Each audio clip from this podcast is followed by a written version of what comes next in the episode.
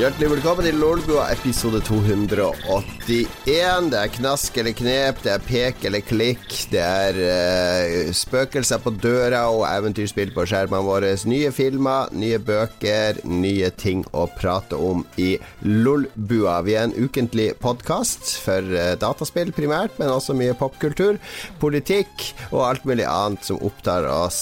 I redaktørstolene finner du meg, Jon Cato Lorentzen, og min gode, gode gode venn fra Harstad, Lars Rikard. Hallo, eh, velkommen til meg og deg. Velkommen til oss to. Denne gangen har vi tatt med oss to stykk av våre redaksjonsmedlemmer.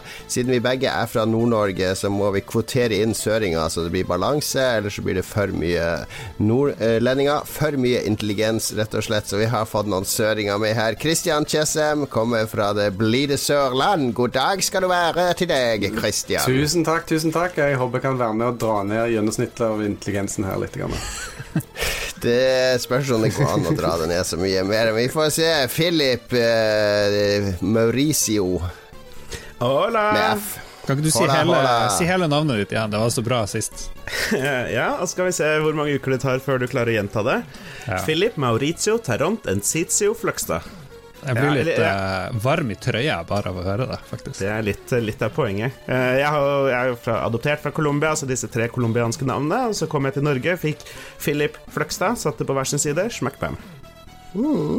Philip, oh, men er det tilfeldig at FF, Philip Fløgstad og Final Fantasy er liksom stemmer overens med hverandre? Kan umulig være en tilfeldighet. All Vi makes hadde, sense. jeg hadde en eh, lærer på Heggen som het eh, Sverre Olsen. Altså, han var liksom eh, Jeg husker ikke Han var et eller annet parti langt på venstresida. Og så bytta han til SV, og da skifta han navn til Sverre Vargeid, fordi han ville ha samme initialer som partiet What? som han følte tilhørighet til. Vi hadde jo han, vi òg. Det her, eh, det her var news for meg. Er det, Eh, true, true story, true story. Så jeg, jeg vil jo tro kanskje at Philip var tilbøyelig til at, at du het Philip Olsen.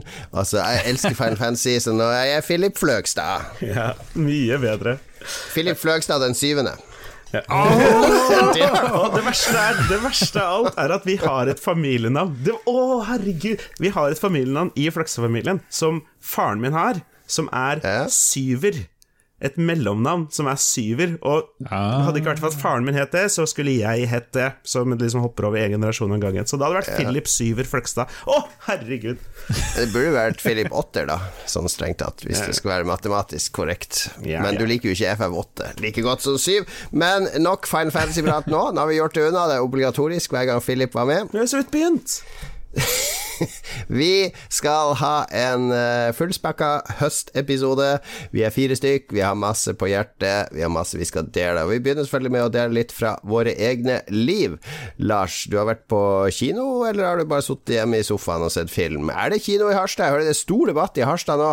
Skal vi ha ny kino? Skal vi ikke ha ny kino? Nei, nei, nei, vi trenger flere sykepleiere, hjemmepleiere mm. osv. Bare tull og bruke penger på kultur. Hva skjer? Ja. Nei, det, det Jeg tenker jo, er det det offentlige sin oppgave lenger å ha et kinotilbud?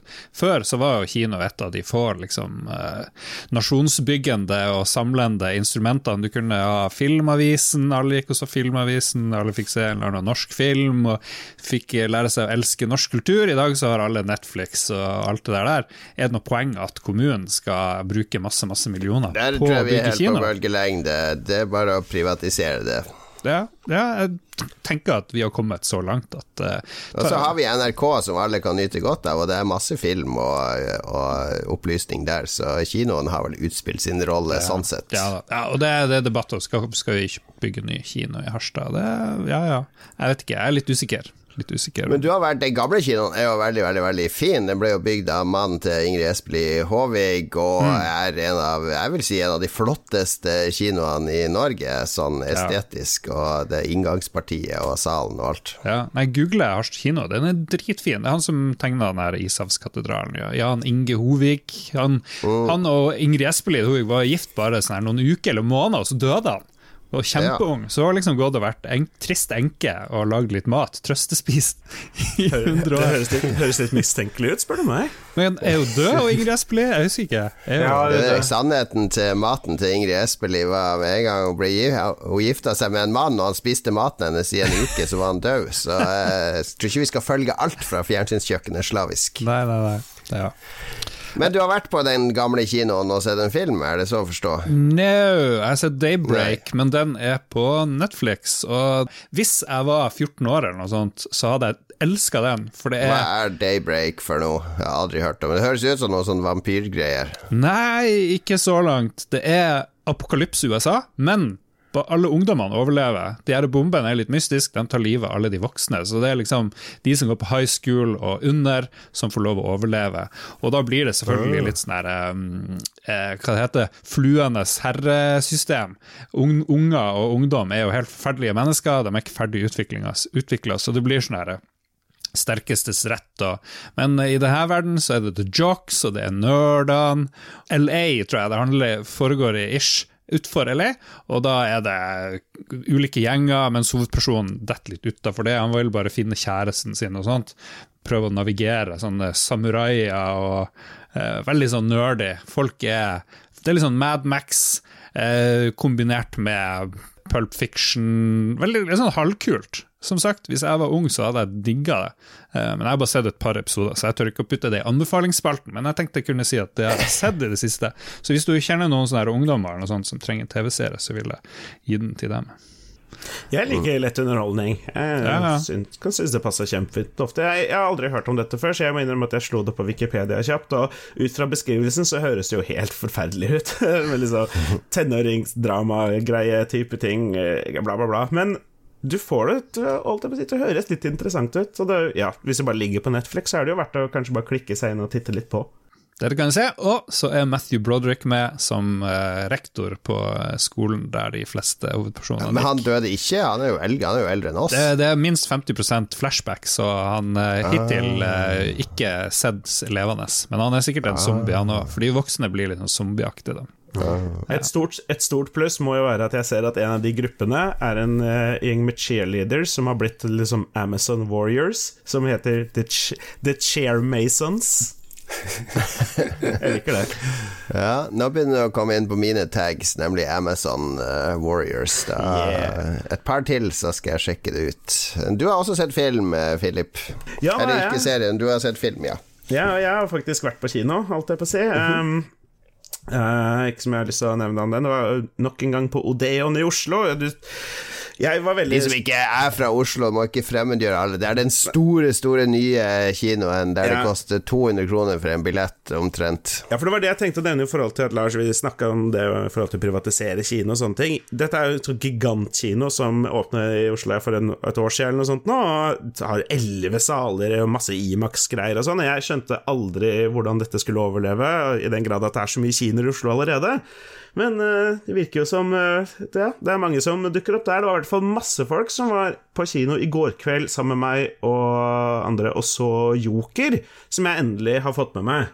Joker, det er den dagligvarekjeden? Eller er det Joker, du snakker om? Joker, da. Ok, ok. Mr. Arthur.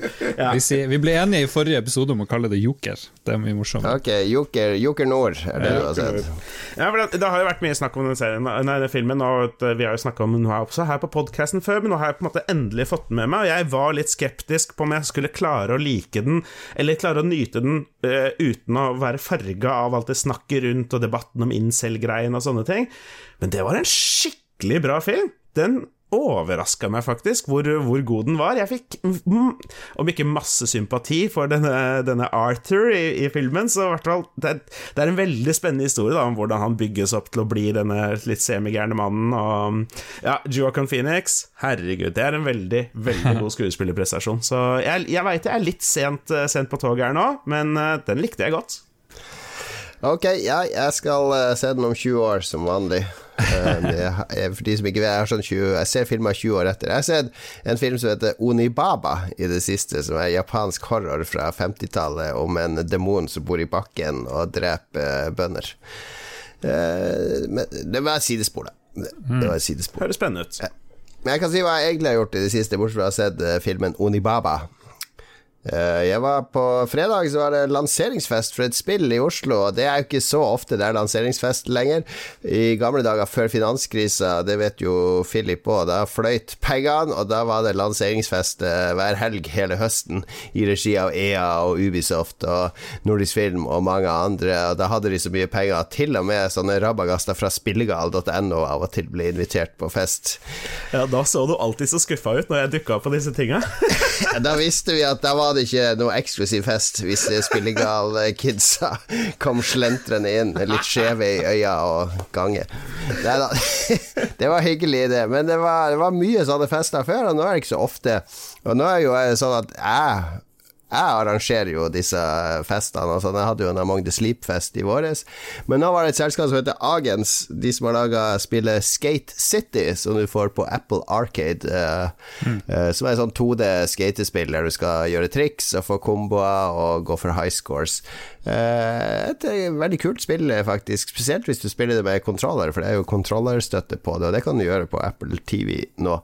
Og så er det jo Det er ikke så ofte vi møtes, vi i den norske spillbransjen. Og den norske spillbransjen nå er jo vi som lager spill. Det er jo ikke lenger eh, journalistene og de som distribuerer spill fra utlandet, som utgjør bransjen. Så det er en morsom overgang, syns jeg. Der var det både studenter og eh, andre selskaper osv. Men før vi dro på den festen, så hadde vi juleølsmaking på kontoret. Og det var ganske gøy, fordi juleøla kommer jo på fredag nå. Så hvis du går på polet, så er det opp mot 200 forskjellige juleøl å velge mellom. Hmm. Og de fleste er veldig vonde. Det er ganske vondt med juleøl, egentlig. Det, her, det tror jeg Christian kan skrive under på. Har du Er det noe Korona har ikke sin egen juleøl, tror jeg, men Nei, eh, selv den tror jeg hadde vært vond. De har dessverre ikke det, men jeg husker det at back in the days, lenge før jeg begynte å drikke korona, sånn da jeg var håper eh, jeg, gymnast, så husker jeg at vi drakk Ringnes og Tau juleøl som var faktisk drikkende. Altså at det gikk an å drikke mye av det må huske at hvis du kjøper det på Rema, så er det ikke ekte juleøl. Nei. Fordi de kan ikke ha det over 4,5% Vanlig juleøl er, ligger ofte rundt mellom 6 og 10% Det er ganske sterk og fyldig og kraftig. Ja, jeg er ikke noe fan. Det vet vi jo. Men jeg er ikke så ille som Ståle at jeg eh, vrir meg i stolen. og brekker det. Mm. Men jeg smakte sikkert Vi hadde fem forskjellige juleøl, og fire av de var helt pyton. Det var sånn chocolate chip cookie and salted caramel butter dough oh, uh, taste og sånne ting. Mm. Og, og den, uh, men den ene gode var faktisk fra Mack. Det var en uh, rød IPA, som ikke hadde så mye med jula å gjøre, egentlig.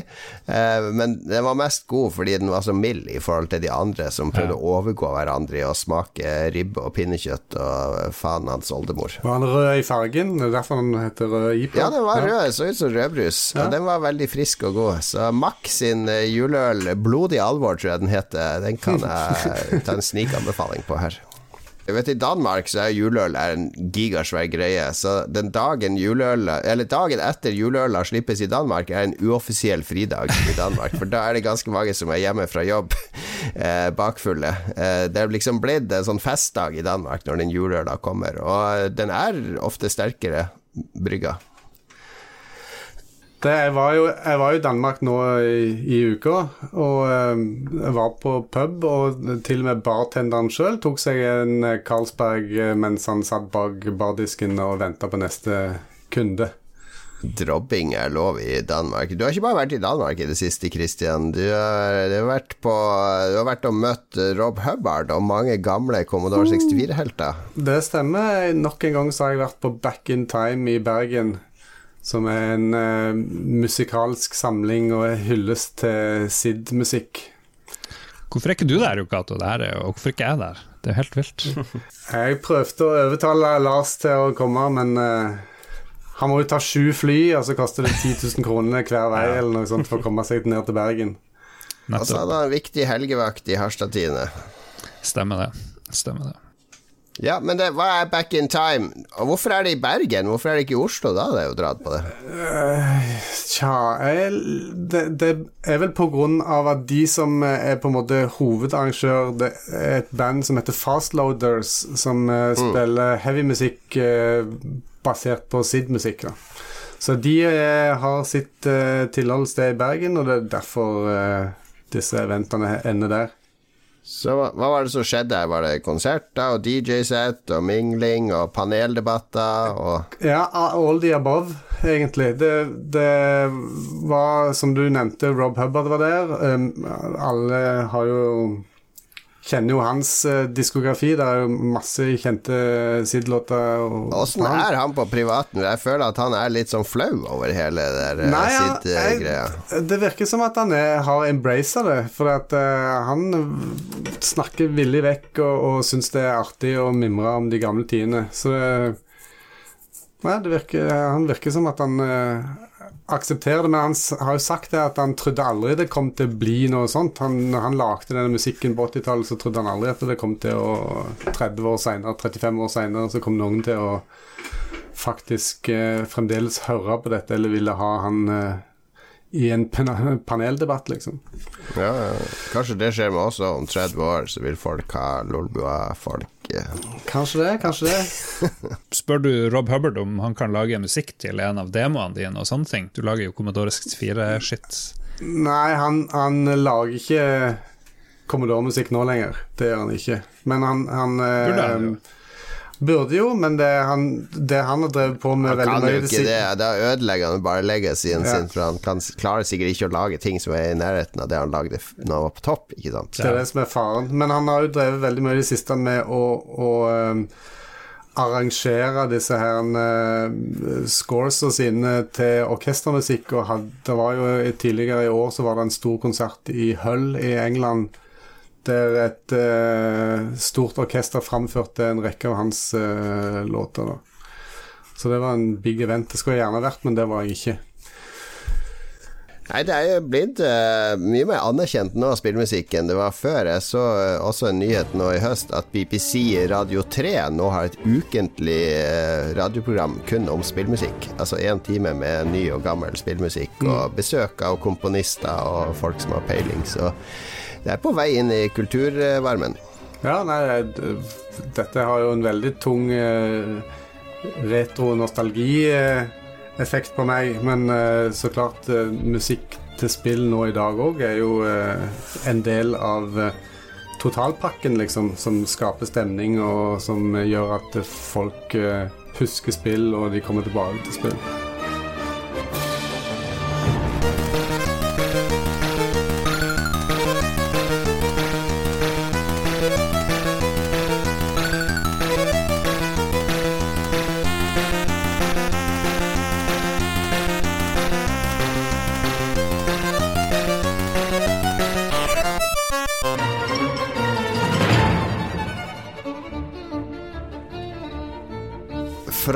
Reisa til Bergen, lanseringsfester, kinobesøk og binge-watching av ungdomsserier i sofakroken, skal vi til eh, sentralnervesystemet i Lolbua, nemlig hva vi har spilt i det siste. Det er en spalte vi har hatt fra vi starta, og liksom den eneste spalten som vi ikke kan kutte eh, i en sending. For det er viktig. Det er høst nå. Det kommer masse nye spill, eh, masse nye spillopplevelser. Selv om det har vært en del utsettelser i det siste. Nå har det jo akkurat kommet beskjed om at eh, Last of Us 2, som skulle komme i februar, er utsatt til mai. Og Ubisoft har utsatt en hel haug med titler. eh, antagelig fordi de oppdaga at Ghost Recon leverte langt unna forventa, under forventa. Så eh, kanskje de skal sikre seg at ting funker som det skal, og er morsomme før de lanseres, i stedet for å pushe ting ut. Er det noen av dere som gråter av disse forsinkelsene? For jeg må si at jeg har aldri Det bryr meg midt i ræva om et spill blir forsinka lenger, for jeg har alltid 100 spill å spille. Ja, akkurat det jeg skulle til å, å si ekkoet, at det er, det er et utrolig Men, lite problem. vent, vent Philip. Philip, det står her Final Fantasy 7-remaken er forsinka et år. Jeg skulle til å dra det opp som eksempel at med unntak av når, Nei, selvfølgelig Når det er noe, det er noe såpass spesielt, så, så hadde det vært kjedelig at det hadde blitt utsatt, men jeg hadde overlevd det. Jeg hadde egentlig til og med syntes det er greit, fordi det er ofte en grunn til at man utsetter ting, da, og ja, Yokato har sikkert dette på tunga, dette berømte sitatet fra Nintendo 4 om at et utsatt spill, tidlig utgitt spill er dårlig for alltid, men bla, bla, bla. Et eller annet sånt noe. Så ja, nei, jeg utsetter gjerne for, for min del. Vi, ja, som Jon Cato sier, det er ingen av oss som mangler noe å spille. Eh, så det å måtte vente et par måneder for å få et bedre opplevelse, det er helt i orden for meg.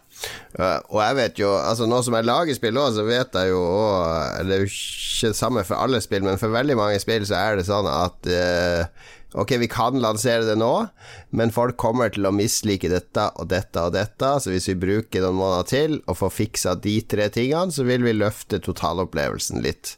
Og, men det vil alltid være sånne ting i spillet. Altså Ett sted må du sette en grense, men sånn som i tilfelle Naughty Dog og andre Jeg tror det er såpass merkbare ting nå at folk ville egentlig Du ville mislikt det hvis de skulle slippe Last of Us 2 med de der uh, Altså de, de, løsningene som ikke fungerer optimalt, som er der nå, som de skal fikse på. Han uh, Shigeru Miyamoto sa a delayed game is eventually good, but a rushed game is forever bad. Men ja, ja, det stemte sikkert da du slapp spill på, på cartridge og sånn, men i dag så kan du patche et dårlig ja, spill òg, men det tar jo ikke seg ut.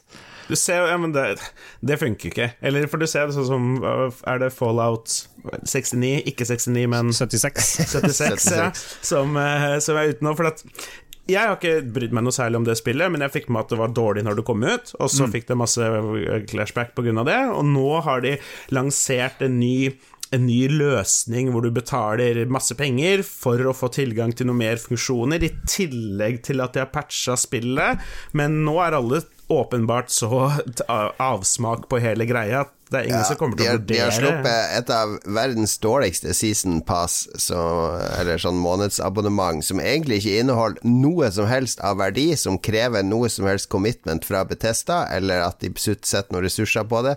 Det er kun snakk om å gi bort noen skins og muligheten til å ikke spille med andre spillere. Men Er det, sånn at du nesten må betale for updates, eller hva? Ja, det er, det er nullkostnad i, i det der abonnementet fra Betesta sin side. Det er det billigste jeg har sett noen gang. Det er ikke noe nytt innhold eller områder eller fiender eller story eller noe sånt. Det er Betesta er og, og, det som irriterer meg mye med Bethesda altså Bethesda er eh, De er langt ute å kjøre, det har de vært lenge nå. Det, de, de, mister goodwill dag for dag. Men likevel så sitter folk og Ja, jeg venter på Ellers skal 6.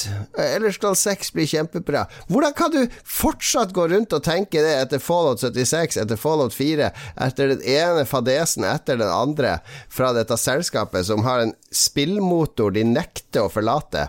De har en spillmotor som er utdatert på alle områder, et lappeteppe bakteppe av et vrak Så de skal prøve å bygge Elder Scroll 6 oppå. Og folk sitter og venter. 'Jeg skal kjøpe PlayStation 5 for å spille Elder Scroll 6'. Du er gal! Altså, du, du er gal hvis du sitter og tenker sånn. Slutt å vente på Elder Scroll 6. Det fins ikke. Det fins bare en video på etere av noe natur, så de har filma med en drone og gjort om til datagrafikk, som liksom er Elder Scroll 6. Skal vi, skal vi, en, skal vi alle gjette en dato på når Elderscroll 6 kommer ut, og den som kommer nærmest, får en øl av de andre? Uh, 2023. Oh, I like it. Vi blir jo aldri huske det her. Okay, uh, Mars 2023. Ja, April 2023. Skal vi se November, november 2022 kommer det. Mm. November 2023. Wow. Fordi liksom For da plutselig så ser jeg på kalenderen, det er 19 nå. 2022 er ikke så lenge Sand. til, og det er ikke sjans til at Li blir ferdig med det spillet på to år. Det kan jo hele, hele strategien min gikk i dass. Da har vi skrevet det ned, svart på hvitt. Vi skylder eh, en øl til den som kommer nærmest, skal få en øl fra de tre andre. Hva har vi spilt i det siste, da? Ikke Ellers Scroll 6, ikke Fallout 76. Jeg har spilt det nye det er veldig relatert til Fallout. Det er nemlig Outer Worlds, heter spillet fra Obsidian, mm. som er et kjempeetterlengta rollespill. Minner mine veldig mye om eh, Fallout 3 Fallout 4. For du, det er et førstepersons uh, rollespill der du er en sånn kolonist som har ligget nedfrosset i et romskip i mange år, så blir du vekt til livet. Og så krasjlander du på en planet der du skal møte en dude, må finne et romskip, og en lang story om uh, Det er liksom sånn diger corporation som driver og koloniserer eh, planeter, og alle mennesker eies av denne corporation, da, så de er bare assets. Høres ut som Borderlands, veldig... egentlig. nesten. Ja, det er eh, Nå har ikke jeg spilt siste Borderlands, men det er veldig sånn klare politiske undertoner i det. Og spillsystemet er så å si identisk med Fallout 3. Du rusher rundt, det er fiender og items, og du plukker opp, du har svær inventory, tar på deg utstyr som booster forskjellige stats, og så har du masse skills. Du har skills i handguns og rifle og hacking og medical osv. som eh, i dialog og sånn kan det påvirke eh, valgene du kan ta, og selvfølgelig i, hvis du skal åpne en kasse, hvis du er god i lockpicking, så er det billigere å åpne den osv. Så, videre.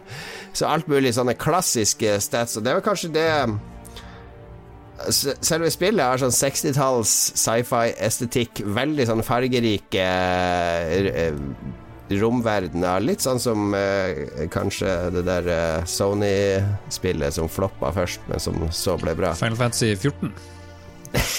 no Man's Sky? No Man's Sky. Litt sånn veldig fargerik, eh, sånn naiv sci-fi-skildringer eh, av verdener. Masse sånne blomster og dyr og og bølger og nordlys og, og sånne ting. Veldig pent å se på, eh, selv om det ikke er så avansert rent grafisk. Også, men spillsystemet er så klassisk at det føles nesten som et retro-rollespill, merkelig nok. Mm. Altså, det, det, er ikke, det er ingenting her som blir funnet opp på nytt, eller blir skapt, eller blir, føles innovativt på en måte. Det er stats og items og looting. Altfor mye looting. Jeg går rundt med 3000 ting på meg til enhver tid, ja. og som jeg må sortere og selge og scrappe og gjøre om til weapon parts. Uh, og, og det, det, føles Det føles nesten litt gammeldags, men også, det er veldig sjarmerende, da. Altså, det er veldig trygt og godt. Det er liksom det spillet. Fallout-fansen tror jeg har lyst på tror de sjøl, men så tror jeg at uh, når du har spilt det litt, så er det litt sånn Jeg har egentlig lyst til at sjangeren skal gå litt videre fra det her, for det er nøyaktig som bestilt. Mm. Ja, okay. Det er fastfood fast rollespill, rett og slett. Men det er gøy. Det er, det er, bra. Det er ikke dårlig. Det er ikke, det er ikke noe jeg kan ikke kritisere det for noe annet enn at det føles litt for kjent og, og familiært. Det var en kompis han klagde på at spillet bare tok 17 gig, tror jeg, og mente at det grafisk var ikke sånn helt på topp? Nei, det er, det er veldig Altså, det visuelle er det det, det er det, er mer originalt enn spillmotoren og sånne ting. Men uh, hvis folk klager på at spill tar for lite plass Sånne spill har ikke jeg på min venner Folk har ikke jeg på min venneliste. Det er idiot. Så det er bare å fjerne han fra vennelista. Gjør det nei, nei, nei, nei. Han, han, poenget var vel at han syns ikke det pusha envelopen, men ser det retro koselig ut òg, i tillegg til at uh, mekanikkene er retro-koselige. Ja, det ser veldig retro-hyggelig ut. Og det, her, det er alt Jeg har ikke møtt noen sånne kritiske bugs heller, så det er jo fordelen med å gjøre det litt sånn trygt og godt. Men jeg har hørt andre som har støtt på noen bugs. Mm. Og det er missions på kryss og tvers, og du møter folk, tilfeldige folk som har sideoppdrag til deg, og du får rewards, og det er grei skuring hele tida. Mm. Er det ja, vi er litt spent på dette, nemlig fordi du nevnte dette Fallout 3 spesielt. For det er liksom mitt favoritt-fallout. Og jeg syns Obsidian kan lage kule ting. Eh, jeg syns dette høres unektelig, unektelig mm. litt ålreit ut. Men jeg blir litt sånn satt av det du nevner med dette alt alt, alt dette stæsjet du skal gå rundt og bære på. For det er sånne ting som Jeg vet ikke om det kanskje er likt lignende det du opplever, at de har vokst litt fra å orke og drive med all denne craftinga og sånne ting. Jeg, liksom, jeg vil bare slippe alt sammen, og så ja. bare ja, flyte gjennom spillet. Jeg syns òg det er en distraksjon. Du kan putte mods på alle våpen, men alle våpen, når du bruker de, går ned i durability, så du må hele tida ja. reparere de med weapon parts, så du må dismantle andre våpen. Og så er det fem forskjellige skadetyper, så du kan modde våpen til å gjøre elektrisk skade og plasmaskade osv. Så, videre. så du bør ha litt forskjellige typer våpen for å Ja det er mye sånn smågnukk, men det er jeg for så vidt hyggelig når man først spiller et rollespill og har litt sånn uh, kontroll på hva det gjør. Men, uh, men er det nødvendig, liksom? Er det sånn at du må gjøre det for å komme deg gjennom spillet? Nei, foreløpig har det ikke vært så nødvendig, og jeg driver ikke og modder våpen i stor grad, men nå har jeg bare okay. spilt fem timer eller noe sånt. men det er vel Det minner om Nights of the Old Republic. Du har liksom et romskip, så rekrutterer du mannskap til det romskipet og sånn, så du får liksom Det romskipet blir mer og mer utbygd og mer liv i. Uh, og så må du gjøre oppdrag Jeg vet ikke helt hva spillet går ut på til, det syvende og sist ennå, men jeg hygger meg, jeg går rundt. Ja. Jeg, ja, jeg får både lyst til å spille det og ikke lyst til å spille det, så det er ja. Neste ut er Lars. Alrighty. Jeg har spilt eh, noe jeg tenkte ikke kom til å spille, og det er jo et adventure-spill på PC. Holy fuck. Men jeg fikk plutselig uh, ånden over meg, fyrte opp PC-en, slengte på Steam og lasta ned Disco Elysium, som er skrevet av en estisk uh, dude.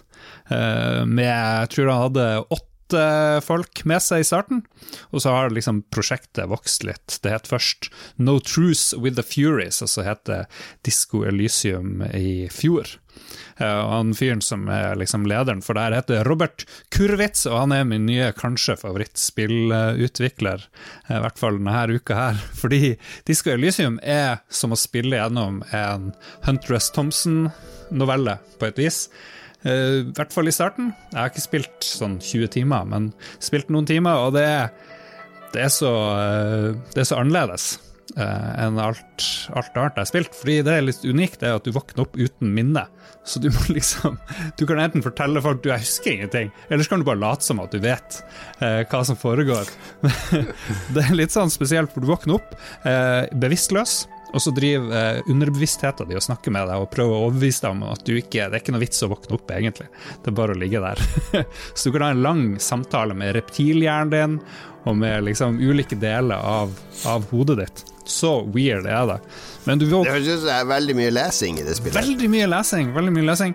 Og så er det veldig mye dialogvalg. Og, men dialogvalgene og, øh, og, og, manus er kjempebra. Det er kjempegøy. Det er Hunter S. Thompson, og det er tydelig at de er inspirert. For du våkner opp døddrukken i en leilighet. I et hjørne så er det en sånn her gammeldags båndopptaker med sånne bånd som snurrer rundt. Og den er gått litt i stykker, så det ligger masse sånne teipbiter rundt omkring på gulvet. Og det er jo nesten som tatt rett ut av uh, Fear and Loathing.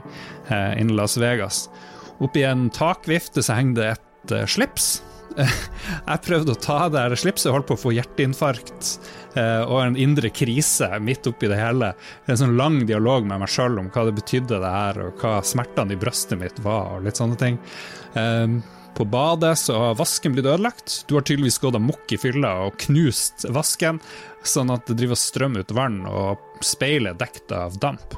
Og så blir det en sånn enda ny dialog med deg sjøl. Skal du vaske bort dampen fra speilet? Vil du se egentlig hvordan du ser ut akkurat nå? Jeg bestemte meg for nei, jeg tror ikke jeg tåler det. Fordi For i starten så velger du også eh, hvilken arketype du skal være. Du kan bygge karakteren din sjøl med litt stats og sånt. Jeg valgte en sånn litt sånn veldig psykisk aktiv dude. Veldig skjør, veldig innsiktsfull, eh, veldig, veldig intuitiv ikke så veldig sterk og sånn. Og, eh, så jeg må spille litt sånn spesielt, for det står advarsel. Han her fyren kan lett gå gal. Så jeg liksom Jeg opererer der, da. På grensa. Eh, men du husker altså men... ingenting eh, hva som skjer i starten. Og det er litt sånn gammelt triks, men her husker du faktisk ingenting. Og du er ikke redd for å fortelle andre at så er tilfellet. Men er det sånn at du At spillet gjør masse kaster masse terninger i bakgrunnen basert på skillene dine og sånn, mm. eller? Ja, du får se terninga. Av og til det kommer opp hvilke valg som er terningchecks. Står det hvor stor sannsynlighet du har for å klare ting og sånn. Og av og til så er det bare OK, det her ser jeg, det her kommer ikke til å funke. Og ofte så er det litt sånn grusom. Du må gjennom sånn her eh, enorm indre krise hvis det går feil og sånn. I hvert fall med han karakteren min, da. ja. Så jeg eh, står opp, plukker på meg én sko, finner bare én sko. Finner jakke og slips og sånn, går ut i gangen står ei dame der, hun kaller deg offiser eller betjent. Jeg bare å, jeg er en betjent? det visste jeg ikke. For jeg har ikke liksom, jeg gidda å gjøre noe research. Det var Magnus Tellefsen som anbefalte det der spillet. Så jeg bare ja vel. Jeg er en betjent. Går jeg ut på verandaen, der finner jeg den andre skoen min. Og så kommer det opp eh, å, hidden achievement. Du fant begge skoene dine, får du pluss XP. Men så er det, det er point and click-sjangeren, da, i bunn og grunn. Med rollespillelementer. Fordi jeg har hørt eh, Jeg har ikke prøvd det ennå, bare lest litt om det. At det er sånn at du, du har en Du skal prøve å gjøre det en ting, altså på vei mot den tingen så dukker det opp 20 andre ting Mm. og requests og henvendelser, sånn at eh, spillet blir veldig sånn Ja. kaotisk med submissions og sidesprang og, Mm. og ting etter hvert, så det kan være litt sånn overveldende, kanskje. Ja, det er veldig overveldende. Men se for deg Hunter S. Thompson spilt av Johnny Depp færre rundt og skulle være detektiv. Det blir jo bare kaos, eh, egentlig, så det er litt, litt sånn, da. Ja. Det, og du må like det, da. Du må like at det bare er litt crazy og, og, og, og rart. Tenk å, jeg tenker Hunter S. Thompson, og så tenker jeg han Big Lebowski. Litt, litt, eh, litt de to. Blanding der. Men jeg har nesten aldri lest eh, et så bra skrevet spill. Jeg er kjempeimponert eh, så langt. All right, Disco Elysium. Philip? Eh, ja, nei, altså, jeg, jeg har ikke spilt så mye den siste uka. Det er jo bare én episode sist jeg var på, så det er litt problematisk for meg. Spesielt siden det lille jeg har spilt, er League of Legends. Og jeg er, yeah. jeg er, jeg er bare ikke god nok i League of Legends til å liksom kunne forsvare å snakke om det hver uke. Så, men eh, heldigvis har det vært masse spennende som har skjedd som ikke har med min spilling å gjøre der. Eh, for det er jo verdensmesterskap i League of Legends som Det foregår nå. såkalte Worlds. Worlds, ja. Det er veldig artig. Og nå, dette i år så er det i Europa. Og akkurat denne helga her så er de nede i Spania og spiller kvartfinaler. Og akkurat nå så spiller norske Norskeren eh, support for Splice, og de ligger under 2-0 mot SKT akkurat nå. Det, så det ser ganske dårlig ut for de Men eh, det er veldig veldig artig å følge med på på generell basis, og selvfølgelig veldig gøy at vi har en, en norsk spiller med helt i toppen. Men likte du Er dette noe League of Legends noe du har begynt med nå pga. Heroes of the Storm eh, ble lagt ned av Blizzard? I hvert fall den pro-biten av Heroes of the Storm. Ja. Og at det har vært en sånn gradvis eh, overgang, litt motvillig fra din side, eller? Eh, Nei, jeg spilte League of Legends før jeg spilte Heroes of the Storm, så sånn sett så, Ja. så, så var det greit. Men det gjelder for veldig mange jeg kjenner. Veldig mange jeg kjenner fra Heroes of the Storm-miljøet. De, de liksom Sakte, men sikkert så har de begynt å spille League of Legends. eh, Så det er, det er en Det er ingen som er- går på Dota, da? For det er vel Dota og League som er de to store. Noen få, men på en måte den enkleste forklaringen av forskjellen på de tre spillene er at eh, Heroes of Storm har de enkleste mekanikkene, så er det League of Legends som er litt vanskeligere igjen, og så er Dota 2 som er liksom enda mer avanserte på en måte, så lærekurven er mye brattere i Dota 2, så for en fra Heroes of the Storm så er det veldig naturlig å gå først til Da høres det for meg ut som Dota 2-spillere de fnyser litt av League of Legends-spillere, er litt arrogante, kanskje. Ja, og League of Legends-spillere fnyser av Heroes of the Storm-spillere, osv. Ja. Ja, ja men eh, du koser deg med Worlds. Er det driver du med betting og sånn? Er du penger på noe lag, eller? Nei, det, det har jeg ikke, men vi har noen sånne der- Vi har noen bettinggreier i community på Satt opp sånne fantasy-opplegg på gruppespill og hvem som slår hvem og hvem, osv. så videre og så videre. Så det, det blir Ja. noen spennende uker fremover nå. Med Heroes of the Storm så drev du vel med litt sånn casting og podkaster og sånne ting. Er det noe du har lyst til å ta opp med League of Legends? Eh, Jeg har vurdert det flere ganger. Eh, Jeg tror jeg kunne vært god til det. Ja. Og eh, Men eh, eh, League of Legends har vært et e-sportspill i ti år, eh, som betyr at det er masse folk som har gjort dette her i ti år.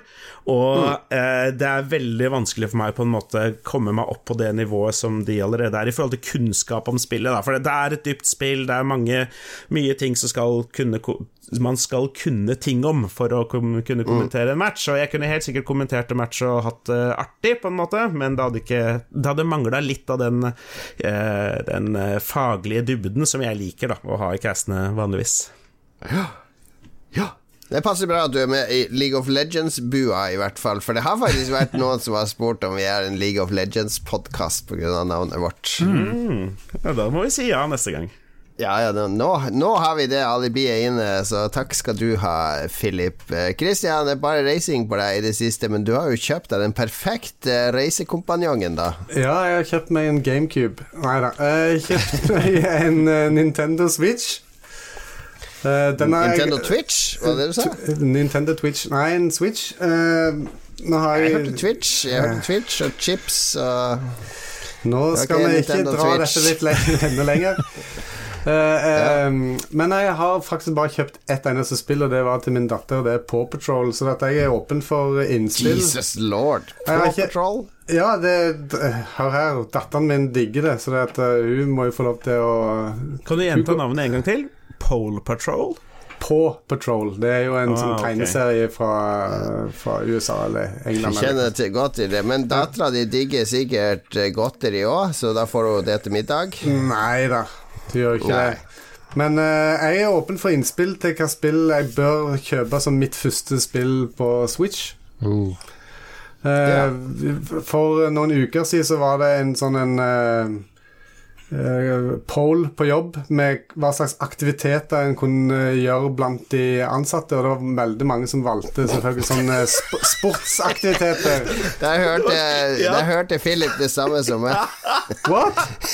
Du sa det var en pole på jobb. En poll? Hvor de ansatte kunne gjøre aktiviteter. Det var en stake på jobb, så de ansatte Ja, det kunne gjøre poledancing og sånn. ja, Eh, nei, nei, så folk, okay, en folk, en folk har drevet på med løping og sykling, og alt sånt, så var det heldigvis flere enn bare meg som skrev e-sport i det questionnaire. Nå sa jeg Ja. ikke pole, nå sa jeg questionnaire. Yeah, yeah. Så da eh, endte det opp med at jobben har handla inn tre switcher, de òg. Så eh, Ja. mens jeg var i Bergen, så ble det arrangert eh, fredagspils og spilling og sånt, og da tror jeg de spilte Mario Kart eller et eller annet Mario sånt. Kart er eh, jovialt og artig til det formålet. Så eh, det, Men det vil dattera di òg like, Mario Kart, det er jeg sikker på. Jeg er, veldig frista. Det er jo litt, litt sånn kjøring, så det, da er jo jeg Jeg på- tror Mario Kart har en sånn barnemodus der du ikke kjører av banen. Eller der Ja, bare- basically de hjelper deg å styre, Ja. hvis jeg husker rett. Nei, så det blir en ny verden. Jeg har ikke hatt noe håndholdt siden uh, Donkey Kong, holdt jeg på å si. Jeg har aldri hatt noe sånn Gameboy eller noe sånt. Oi.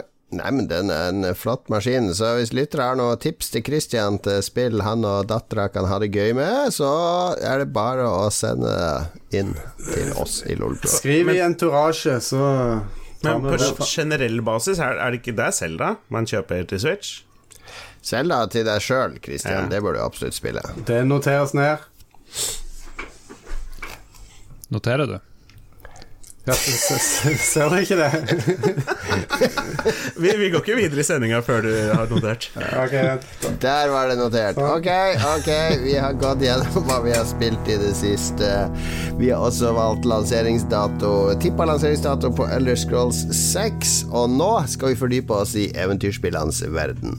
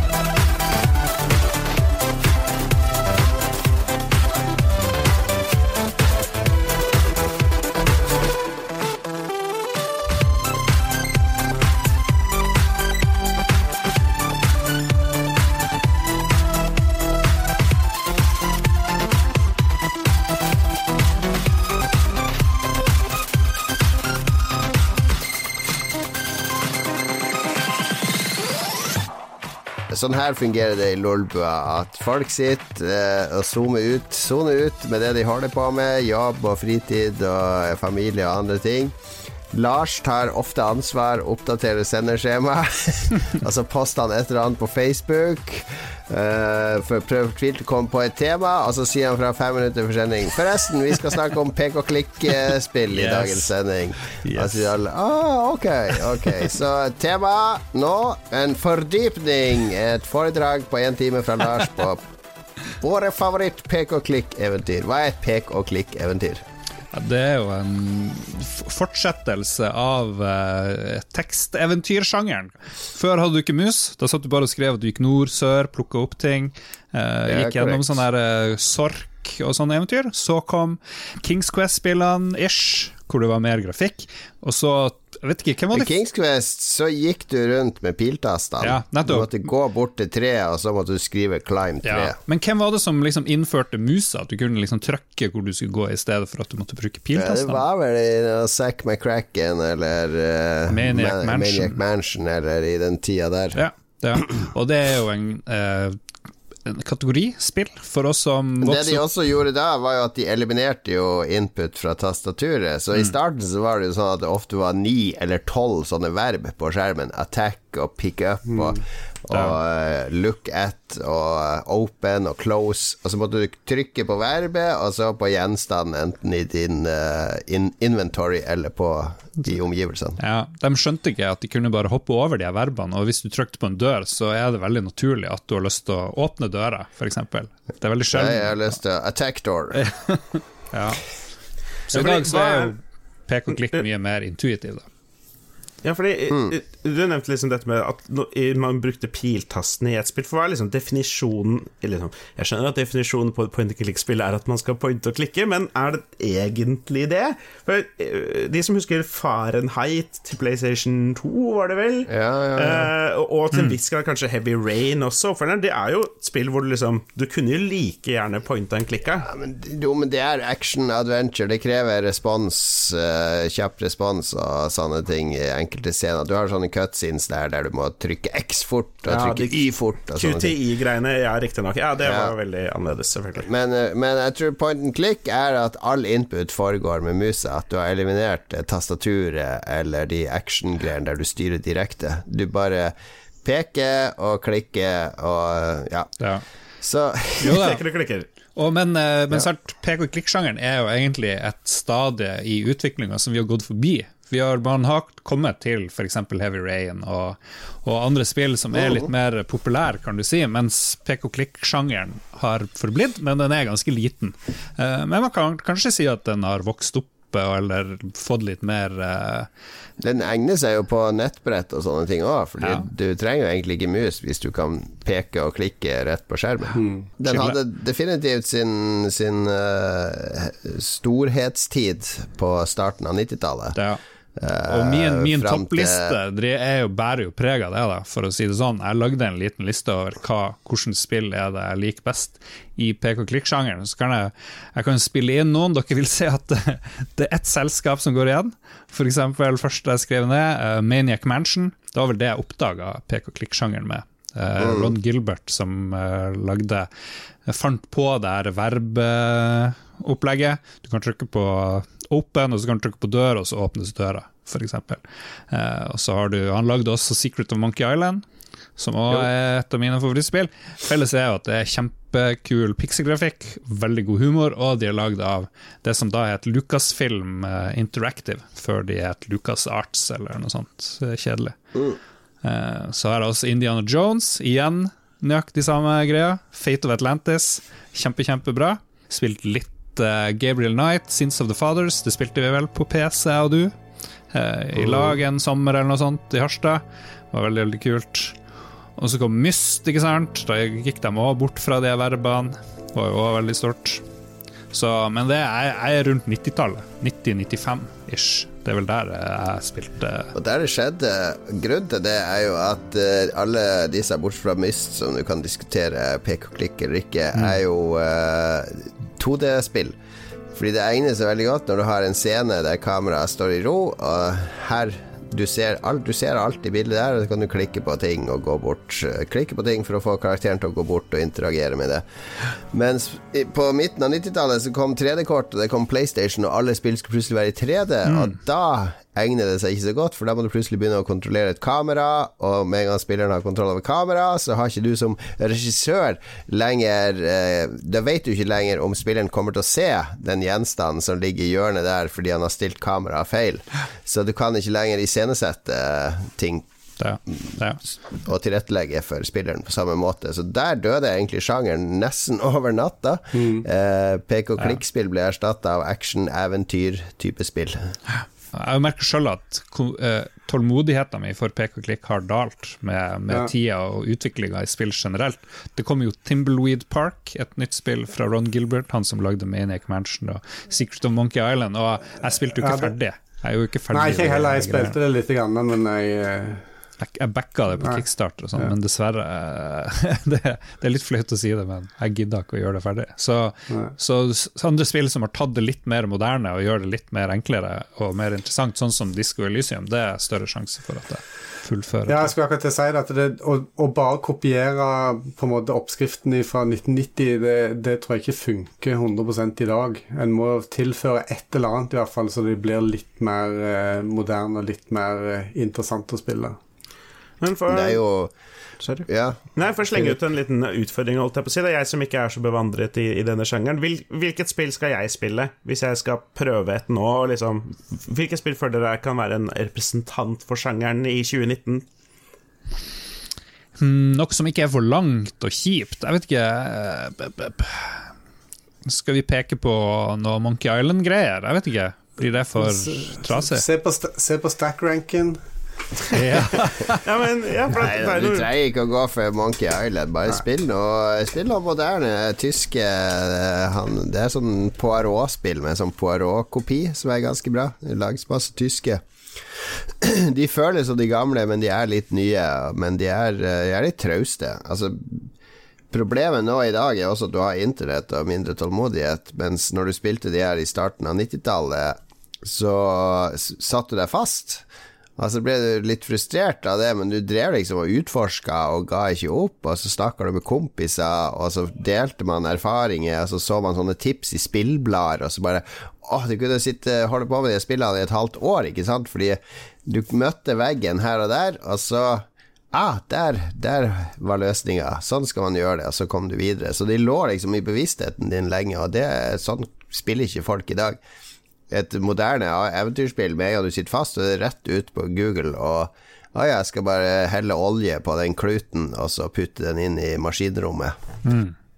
Ja. Ja, det, det, er jo, det, er jo, sånn jeg ville spilt i. Jeg må være ærlig nok til å si det. Hvis jeg setter meg ned med ja. det nå, så er det ikke lenge jeg gidder å sitte fast på samme greie før jeg bare slenger meg på Google. Ja, men Hvis du skal prøve et moderne pek-og-klikk, så vil jeg anbefale Disco Elysium. Men jeg syns vi må også lese, nevne Leisure Suit Larry-serien, som jo var kanskje det første pek og klikk-ish-spillet når folk eh, opplevde. Den ble jo ekte pek og klikk etter hvert. Det var vel bare piltast og verb og sånne ting. Eh, Police Quest kom det før eller etter? Var ikke det Quest kom etter jo, det var, første Larry, ja. Samtidig, og det var Space Quest og flere andre og fra Sierra. Sierra var egentlig de som hadde starta det her med Kings Quest, men de hadde dumme greia med at du kunne daue i spillene. ja. Så du måtte være save og passe på, mens det er jo Lucas Arts narr av, for du kan ikke dø i Lucas Arts eventyrspillene. Eller du kan dø i noen av de, tror jeg. Hvis du er ti minutter under vann i Monkey Island, så drukner du. Men, uh, ja. Ja. Og så har du jo norske Lengste reisen, er vel òg et av de mer berømte ja. pek og klikk-spillene i verden. Han Ragnar Tørnquist og gjengen. Absolutt. Europe. Det var en tidsriktig sjanger. For å fortelle engasjerende historier, så måtte du eh, ha narrativ og enkel interface. Uh, ikke for mye påvirkningskraft fra spilleren. Egentlig så er det bare et digert skjema med med masse firkanter og triggere. Har du den, og trykker du der, så kommer du videre til den boksen. Ja. Uh, så, så, designmessig er det ikke så kompliserte som moderne actioneventyr. Okay. Uh, før vi gir oss med det her, hva er dine favoritt-pek og klikk-spill, Jon Cato? Uh, Var du en sjanger av Nei, en fan av sjangeren, egentlig? Ja, jo, jeg, jeg elsker jo teksteventyrene. Så jeg var ikke så fan av de. Men jeg hadde jo Monkey Island 1 og 2 original og sånne ting. Uh. Så jeg spilte de ganske mye, men det var ikke så mye etter Monkey Island, egentlig. Jeg ble litt uh, fort mm. lei, og så savna jeg når det var teksteventyr. De hadde satt jo og lagde kart på rutenett, og jeg hadde i en perm. og jeg, jeg eh, hadde guider til de, og Infocom-spillene var jo mine favoritter. Så jeg var jo en av disse som hata egentlig disse grafikk-eventyrspillene, for de hadde fucka opp for teksteventyrene. Ja.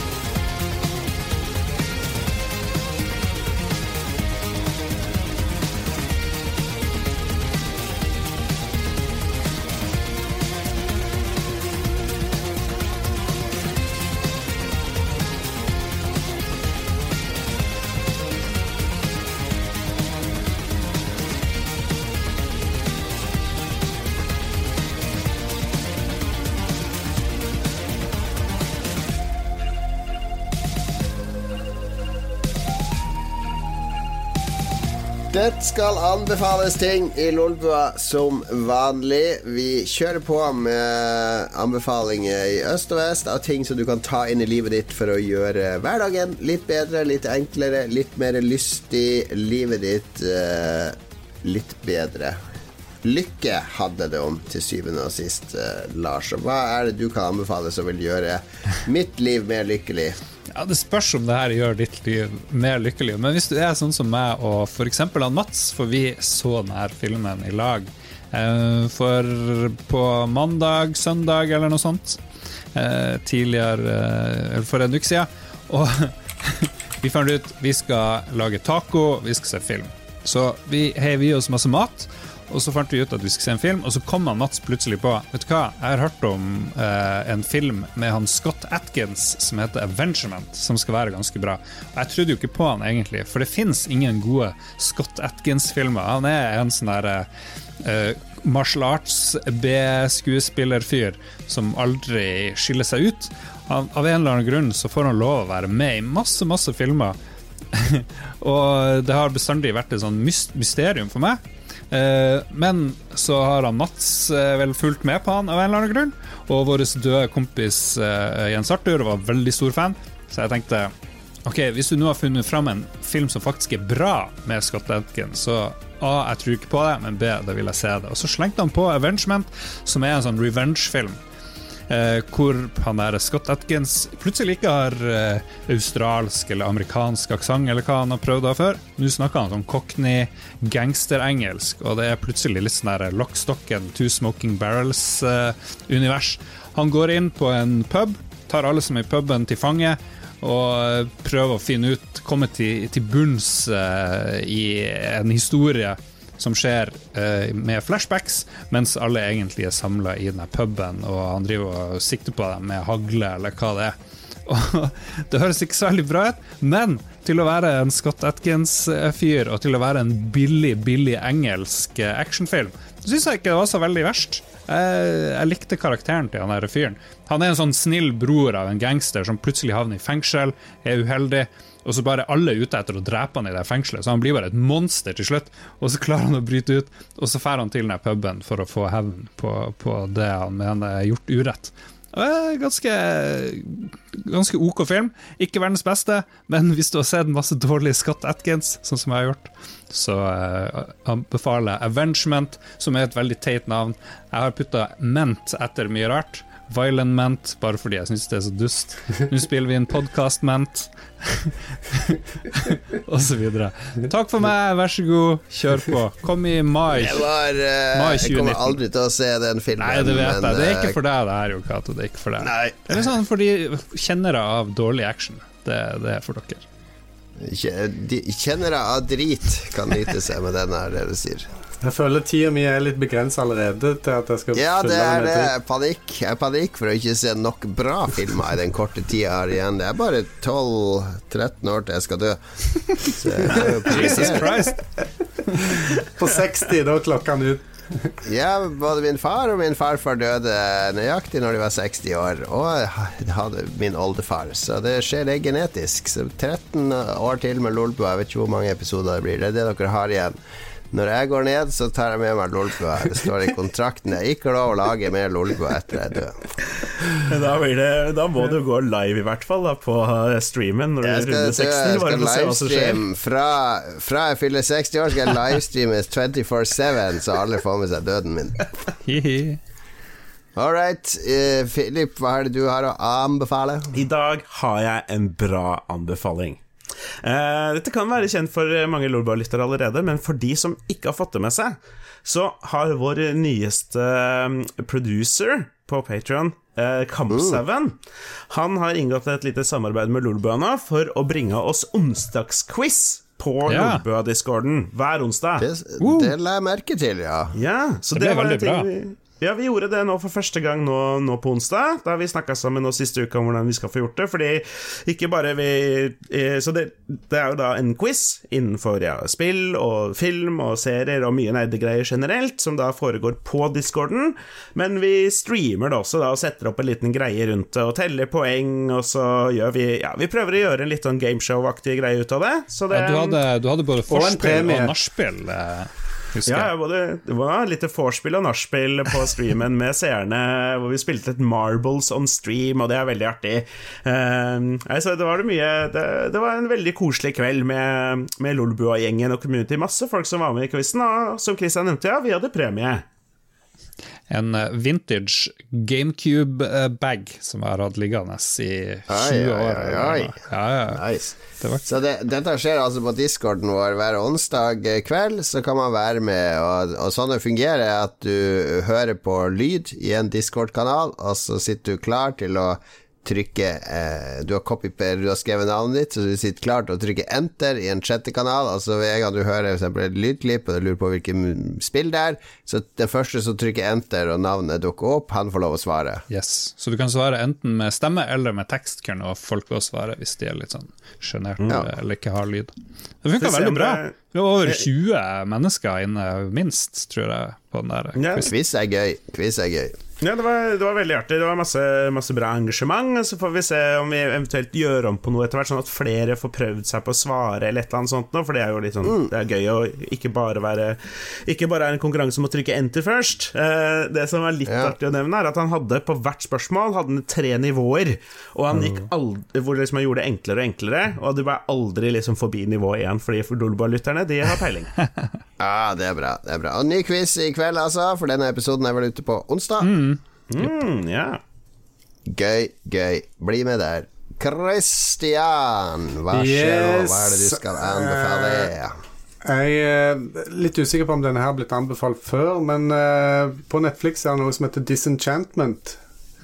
Som er en animasjonsserie eh, på, som uh, Matt Grøning sitt, eh, står bak. Ah, ja, Som den vi som som vi- som vi kjenner fra Simpsons. Yes, stemmer. tid, ja. Eh, mye, mye mørkere og, og eh, mer sort humor, kan du si, enn en det var i Simpsons. ja. Det foregår liksom i middelalderen eller noe sånt, og det er drager og djevler og ting og tang. Og um, Eric Andre er blant annet uh, stemmen til en Billy West er med, som òg tror jeg var med i både Futurama og Simpsons. Så uh, det kom nå uh, Sesong to kom nå for en drøy måned siden. uh, Som jeg holder på å jobbe med nå. Og det er veldig artig serie. Jeg flirer hele tida. Det kom ti episoder i 2018, og så kom det ti episoder 20.9. i år, og så kommer det 20 nye episoder i 2010, nei, 2020 og 2021, så det, de gir ikke opp, eh, ser det ut som. Hvis du skal stackranke Simpsons Futurama og Disenchantment, kommer det, kommer det midt i, eller øverst, eller nederst? Han kommer kom midt i. Futurama er min absolutte favoritt. Og Ja. Simpsons har Jeg hadde aldri TV3 når jeg vokste opp, så jeg har på en måte ikke fått det med meg eh, i oppveksten. Så eh, Disenchantment en god toer blant de tre der. Alright, og den ligger på Netflix. Det er Netflix. det er mye sånn Det er sånn Dungeons and Dragons-humor og sånn, eller er det Shrek-aktig? Jeg har ikke sett det. Ja, jeg vet ikke. Det er veldig mørkt, som sagt. Eh, eh, litt artig. Det er en, en eh, ja, Hva skal vi kalle det? En, en, en alv En alv som er med. En elf. Og alle de alvene, de har liksom navn ut ifra sine egenskaper, da, sånn at uh, han eh, hovedelfen, han heter Elfo. Fordi han er alv. Og så alle de andre alvene Det var en, en alv som forlot he- alvegjengen tidligere. Han heter da Livo. Og det er liksom de, Det er artige greier. Vanskelig, for, vanskelig å forklare, egentlig, men eh, ta, ta, en, eh, ta en titt. Ta en titt på Disenchantment på Netflix. Jeg skal ta den siste. Ja, min, uh, min favorittforfatter da jeg var tenåring, det var Stephen King. Når jeg leste It og The Stand og alle andre bøker. Så ble han litt sånn kjedelig på 90-tallet, 2000-tallet, men nå, på sine gamle dager, så er Stephen King on fire. Eh, Jeg har lest alt han har skrevet de siste fem årene, eh, og det er, det mye bra. Dr. Sleep er jo oppfølgeren til The Shining. Den er helt genial. Den har blitt filmatisert nå med Ewan McGregor, som spiller Danny, altså han gutten fra The Shining, som nå er blitt voksen. Eh, det er en kjempebra bok, uh, Dr. Sleep, så jeg anbefaler gjerne den òg. Men jeg har lest den nyeste King-boka som kom nå i september, som heter The Institute, som handler om en ung gutt på tolv år. eh, som er sånn superintelligent. Han skal Han er liksom så smart at eh, han kan begynne på Yale og sånne ting. Mens en natt så blir han uh, kidnappa og foreldrene drept. Og han ender opp på et sånn hemmelig Government Institute for spesielle barn. Um, det er da premisset. Og den er uh, Det er den sedvanlige Stephen King-spenninga. Det er noen kapitler som er så spennende at du bare må Det blir sånn page-turner. Og så er det det handler om kids og sånn government-greier. Det er litt sånn ET-vibber oppi det her med disse skumle government-folkene som er ute etter disse barna, ungdommene, som må, må motstå de.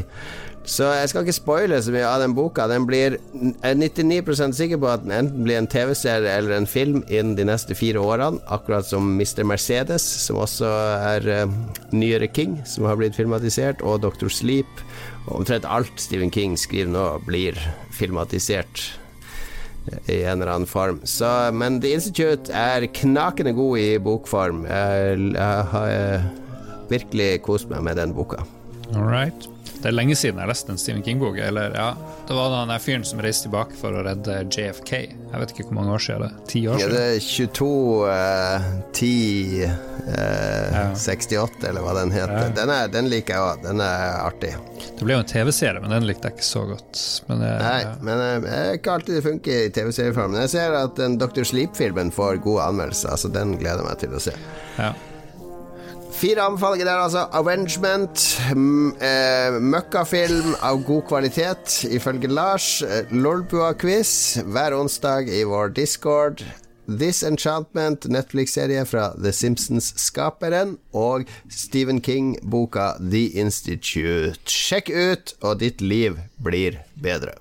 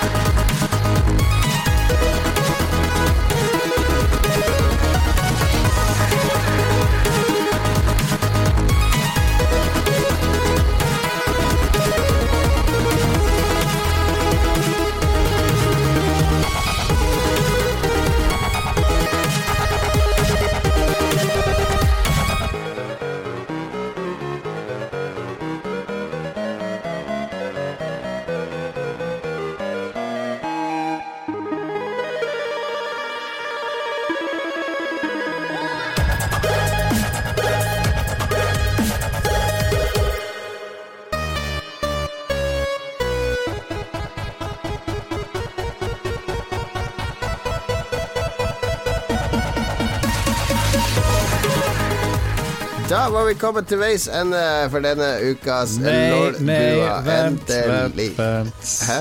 Vi har lytterspalten, Jon Cato. Du glemmer den. Nei! Ja, okay. jeg vet at du hater den. Ja, det. Åh, jeg tar meg en lakriskule, så får du, får du gulpe opp det lytterne har gulpa inn i din munn. Æsj. Ok, vi spurte lytterne hva deres favorittklek... Klek? Pek og klikk-spill er slash eventyrspill. Og Jørn, for å åpne ballet, han likte Darkside Detective godt, og det har jeg ikke spilt, men jeg måtte google det, og det er noe uh, greier på Switch, i hvert fall. Uh, ser veldig retro ut. Uh, seks episoder med små, litt sånn kanskje overnaturlige og skumle eventyr. Som har fått bra, bra anmeldelser, så jeg tror kanskje Darkside Detective er noe jeg må, Til Switch, sier du? nå undersøke. Ja, prøv å Kanskje Det er på flere format. Helt sikkert flere format. Nå Christopher googler Getteboys Hansen Leistad kjører på med det mest åpenbare Curse of Monkey Island. Ja, og da Det var vel der Mon Monkey Island-spillene fikk litt mer sånn mer cartoonish grafikk, ikke den gamle pixel-grafikken. Ja, jeg tipper Kristoffer er litt yngre enn oss, så Curse of Monkey Island er jo selvfølgelig ikke bedre enn 1 og 2, tipper jeg. Men det var vel det tredje spillet i serien. Litt yngre enn dere. uh, hvem var det som slapp inn den der kjipe, unge dashing eh, nesten 40-åringen, eller jeg vet ikke hva. Hvor gammel er du, Philip? Yes. Hvor gammel ser jeg ut som, tror jeg vi kan spørre. Ah, fy faen, jeg gidder ikke det. Du vet at det, hvor gammel du ser ut som, har ikke noe å si, Philip. Det husker Nei. du jo fra Tilt. Ja, men Det gjelder i hvert fall for din del, for de lytterne som ikke vet det, så ser Christian 20 år yngre ut enn han er. Ja. ja. Ok, vi kjører på. Inger Emilie Solheim, bortsett fra Monkey Island 1 og 2, som var mye penere tegna og hadde bedre story osv., så, videre, så falt hun for Legend of Kyrandia, som vi har snakka om før. Eh, en eller annen gang, husker jeg. Magnus er vel stor fan av det. Eh, og så liker han oppfølgeren der man var en sexy sorceress. Noen som har spilt det Legend of Krandia-greier? Spilte aldri Nei. det? Jeg spilte det for lenge siden, jeg husker ingenting av det. Nei. Øystein Reinertsen, der var gode venn. Mm. Reiner. Eh, Ja, Reiner dukker alltid opp når vi har Lolbua-events i Oslo. Hans favoritt er Day of the Tentacle, og det er jo kanskje det beste Lucas Art-spillet, hvis man skal se helt objektivt på det. Sam og Max òg ble vel ikke nevnt tidligere, det er også veldig, veldig artig. Ja, ja. Jeg har aldri fullført Day of the Tentacle. Jeg vet ikke hva det var, det ble litt for avansert grafikk. Jeg var vant til den mer stive 2D-looken, mens Day of the Tentacle det kom jo helt på slutten av sjangeren, liksom, levetid originalt. Og eh, ja, jeg syns det ble for moderne. Skjønte ikke noe av det. Ja, ja. Nei, Skjønte ikke noe av det. Lars. Litt, uh, litt artig er det jo at uh, Glenn Eriksen foreslår et norsk spill med Ja. The Longest Journey er nok det beste, sier han, uh, fra våre venner i Funcom. Eh, men for å ta et mer obskurt spill som bonus, kjører vi på med The Gene Machine. Det er sikkert crap i dag, men koste meg maks da det kom ut i 96, tydeligvis ifølge Wikipedia. Gene Machine? Jeg tror det handler er om han. Gene Hackman, faktisk. Aldri hørt om. Husker dere hvem som var stemmeskuespillere i Lengste reisen? Eh, Morten Harket. Uh, Synnøve Svabø var jo eh, hun April Ryan, og Mm. Lasse Kolstad var med, og mye ikoniske norske stemmer der. Var han Bjørn Sundquist med? Ikke. hestkuk! Du, typisk eh, no- nordlendinger. Du vet jo hva Ragnar syns om nordlendinger, Lars. Ja, store problemer der. Ok, Frode Oppsal han nevner Zack McCracken and The Alien Mindbenders. Står som en påle i pek og klikk-panna hans. Første spillet han kan huske å runde. Uh, han likte det bedre enn Maniac Mansion. Uh, reise jorda rundt og så til Mars og tidenes kjenningsmelodi. Og så nevner han Monkey Island-serien, Larry eh, episode 1 og 3. Og så nevner han Gabriel Knight, og også Lengste reisen. Han har spilt mye, han Frode Oppsal. Og så sier han at eh, Lengste reisen og Drømmefall eh, skal skylda for å hydrere en 15 år lang spilltørke. Oi, oi, oi. Ok. Eh, Men er det klikk og pek spilltørke, eller er det spilltørke generelt? Kanskje generelt. kanskje generelt. Ja, det var jo Grim Fandango nevner han òg her, var magisk, så klart. Mm. Uh, det er vel ikke blitt nevnt ennå. Det var også litt i kryss Det var 3D-grafikk. Uh, 3D-environments, og så var det vel også veldig knøvlete styring. Veldig Du styrte karakteren direkte. Sånn Resident Evil-drit når du skulle styre han, eller hva det var. Ja, fordi at, fordi, fordi, fordi at jeg har hengt meg litt opp i det at jeg ikke kan foreslå Grim Fandango fordi du ikke peker og klikker. Ja, ja, men det er borderline, borderline. Ja. Borderline case.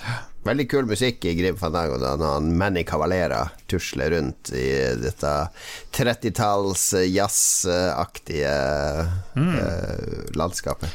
Ja. Jeg prøvde jo å spille det på nytt. Det kom jo på nytt der, eh, Grim Fandango. Jeg klarte aldri å fullføre det. det ble, de hadde gjort noe med styringa, men det var for knøvlete fremdeles, syns jeg. Nei, jeg kjøpte også Vår den tidligere, remaken. tidligere Lolbua-gjest, og nå dessverre død, Jory Prum, som vi snakka med en gang, han var jo lydtekniker på Grim Fandango. Ja, stemmer det.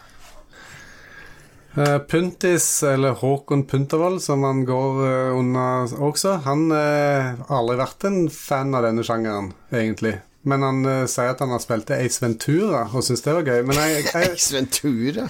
Jeg kan umulig tenke meg at et pek og klikk-spill basert på Ace Ventura-filmen er noe bra. Nei, det må være Ace Attorney han blander med. Ja! jeg hadde ikke hørt om Ventura jeg hadde Ventura. spilt et. Ace, Ace Attorney-spill med Ace Ventura som eh, advokat. Nei, men vet du hva, han tok og la ved uh, screenshot, eller bilde av eska, og det er et Ace Ventura Pet Detective-spill. Det er. Undertittelen er 'Danger, Babes, But Yodeling. It's All In A Day's Work'.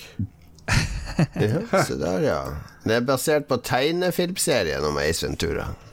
Ok, var det bare syv lyttere denne gang? Takk til dere syv at dere ikke var flere. Da kan vi nemlig lukke døra for lytterspalten og pek og klikk-sjangeren. Jeg trykker på close, og så trykker jeg på door, og der er den døra igjen. Klikk, klikk. Og denne episoden har jeg sittet masse og klikka på musa, Lars, for det må jo være lov når vi har en pek og klikk-episode. Selvfølgelig. Det beriker episoden. Eh, takk for Berike episoden og skape en, en, en audiostemning eh, i bakgrunnen. Takk til alle som støtter oss på Patrion. Gå på patrion.com slash lolbua hvis dere vil bidra med noen kroner. Dere kan få kanskje et par ganger i året, muligens, brev fra Jon Cato. Dere skal få swappergaver svoppergaver. Vi har fått liv i nerdetieren, hvor vi spiller med folk. Og selvfølgelig så kommer det hver måned i hvert fall en uh, Roffelbua-episode ut kun for patrions. Og så kan du bli producer, og da eh, har vi fire nå. Vi har fått ny Vi har fire produsere, takk Yes. til de fire. De heter Helt nye heter hva? Heter hva? Noen som husker det? Noen som husker det? Kamsauen. Kamsauen. Og så har vi Kobrakar84, TTMXMP og eh, Rolf Helge Øvergård Ingebrigtsen. Nå har jeg lært meg alle de veldig utenat, kjenner jeg. De er jo noen helter, helter, jo altså. de- Det fortjener de jo. De er jo på De er jo våre beste venner, så det husker skulle bare bare at vi ikke kunne navnet deres. Og Vi spilte jo inn ny Roffelbua bare nå for eh, noen, eh, en liten stund siden, og det, det tror jeg er en veldig lovende episode, så det er bare til å signe seg opp, så du får tilgang, eh, tilgang til den. Uh, og så har jeg lyst til å nevne bare Discord-gruppa generelt sett. Etter at vi starta denne quizen forrige onsdag, er det flere folk med og mer aktivitet, så den er det bare til å slenge seg med på hvis du liker å Vi har rydda i kanaler, så nå er det mer oversiktlig og enda mer kos i Discord enn det har vært noen gang. Så bli med der. Lolbo Entourage på Facebook osv. osv. Vi høres igjen om en uke. Da har jeg vært på Spillekspo. Det er nemlig nåværende førstkommende helg i Lillestrøm. Jeg skal jobbe på scenen, jeg har en indie-stand, Krillbite er der osv. Så, videre. så da har jeg sikkert en fyldig rapport derifra. Bra. Inntil da, ha det bra. Hei da! Ciao!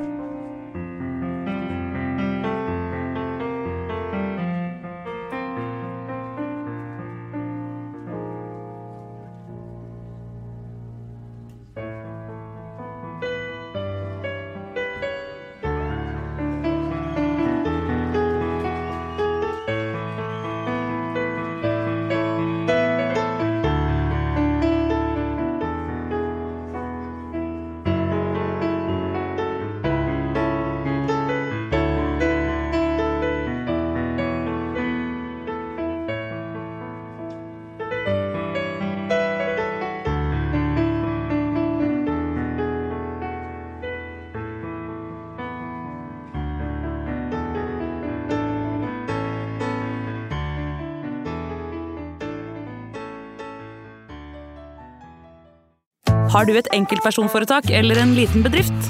Da er du sikkert lei av å høre meg snakke om hvor enkelt det er med kvitteringer og bilag i fiken, så vi eh, gir oss her, vi. Fordi vi liker enkelt. Fiken superenkelt regnskap.